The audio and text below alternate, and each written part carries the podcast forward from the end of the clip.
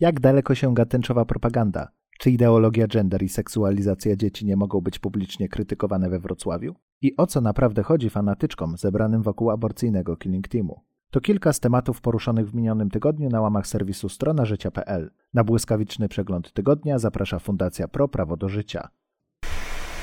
Strona życia. Stań po stronie życia. Dla mnie te płody mogą recytować pana Tadeusza. Aborcyjny Killing Team stawia wygodę ponad życie człowieka. Działalność aborcyjnego Killing Teamu, jak zwykło się go już nazywać, jest działalnością przerażającą. Nic więc dziwnego, że wiele osób za wszelką cenę próbuje ich powstrzymać. Nie są to już nawet tylko proliferzy. W mediach społecznościowych słychać nawet wypowiedzi osób za legalizacją aborcji, którym fanatyzm głoszących hasła aborcja jest ok przeszkadza. Niejednokrotnie komentarze aborcjonistów ujawniają o co chodzi tak naprawdę zwolennikom aborcyjnego Killing Teamu. Więcej w artykule Cecylii Szymanowskiej. Tęczowa propaganda już nawet w ulicy Sezamkowej.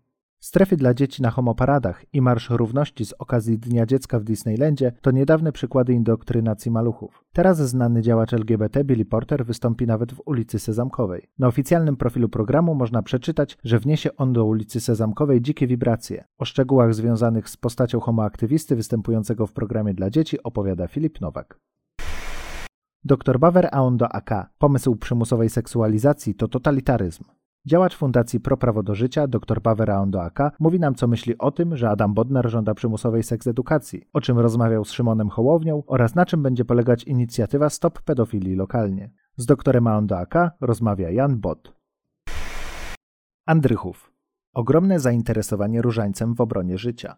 W ostatni dzień stycznia, w cotygodniowy symboliczny Dzień Męki Chrystusa na krzyżu, została zorganizowana kolejna już, ale pierwsza w mieście Andrychowie, publiczna modlitwa różańcowa połączona z manifestacją antyaborcyjną. Trudno mi było przewidzieć, ile może przyjść osób, ale miałem nadzieję, że będzie przynajmniej tyle, aby móc pokazać dwa banery. Zjawiło się około 40 chętnych pomodlić się wspólnie w intencji, która powinna dotyczyć nas wszystkich, mówi w swojej relacji z wydarzenia Radosław Żuk. Kraków. Mimo złej pogody walczą przeciwko zabijaniu dzieci. 30 stycznia 2020 roku krakowska komórka Fundacji Pro Prawo do Życia zorganizowała kolejną pikietę pod szpitalem imienia Żeromskiego w Krakowie. Z danych udostępnionych przez ten szpital wynika, że w 2018 roku dokonano tam 19 aborcji. Wszystkie dzieci zostały zabite z powodu podejrzenia choroby lub niepełnosprawności. Więcej szczegółów w relacji Dariusza Choraka. Wrocław. Straż Miejska blokuje pikietę antypedofilską. Po raz kolejny prezydent Wrocławia Jacek Sutryk i jego urzędnicy utrudniają życie działaczom broniącym dzieci przed seksualizacją. Tym razem Straż Miejska zablokowała wjazd samochodu antypedofilskiego na rynek, mimo że był on częścią legalnie zgłoszonego zgromadzenia. Funkcjonariusze fizycznie blokowali przejazd oraz ustawili w poprzek drogi barierki. O szczegółach wydarzenia opowiada Jan Bot. Straż Miejska Wrocławia na służbie proaborcyjnej propagandy. Kilka dni temu na stronie Wrocławskiej Straży Miejskiej pojawił się artykuł Piotra Szeredy dotyczący wyroku w sądzie okręgowym. Sprawa dotyczyła billboardu antyaborcyjnego umieszczonego przy Alei Armii Krajowej we Wrocławiu. Autor bezdyskusyjnie stwierdza w nim, że plakaty antyaborcyjne są nieprzyzwoite i upublicznianie ich jest karalne. Powołuje się na wyrok wyżej wymienionego sądu i na badanie Ipsosu dotyczące opinii ankietowanych na temat umieszczenia zdjęć z aborcji w przestrzeni publicznej. Nie wspomniał, że badanie Ipsosu zostało zlecone przez Federę, czyli organizację lobbującą na rzecz legalizacji aborcji w Polsce, a użyte w artykule zdjęcie przedstawia inny plakat niż ten, którego dotyczyła sprawa. Autor przemilczał również, że sędzia odstąpił od wymierzenia jakiejkolwiek kary. Więcej o sprawie opowiada w swoim artykule Adam Brawata.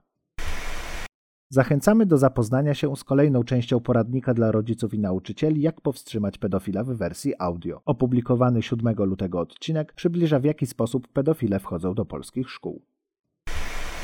Do odwiedzenia serwisu stronażycia.pl zaprasza Fundacja Pro Prawo do Życia.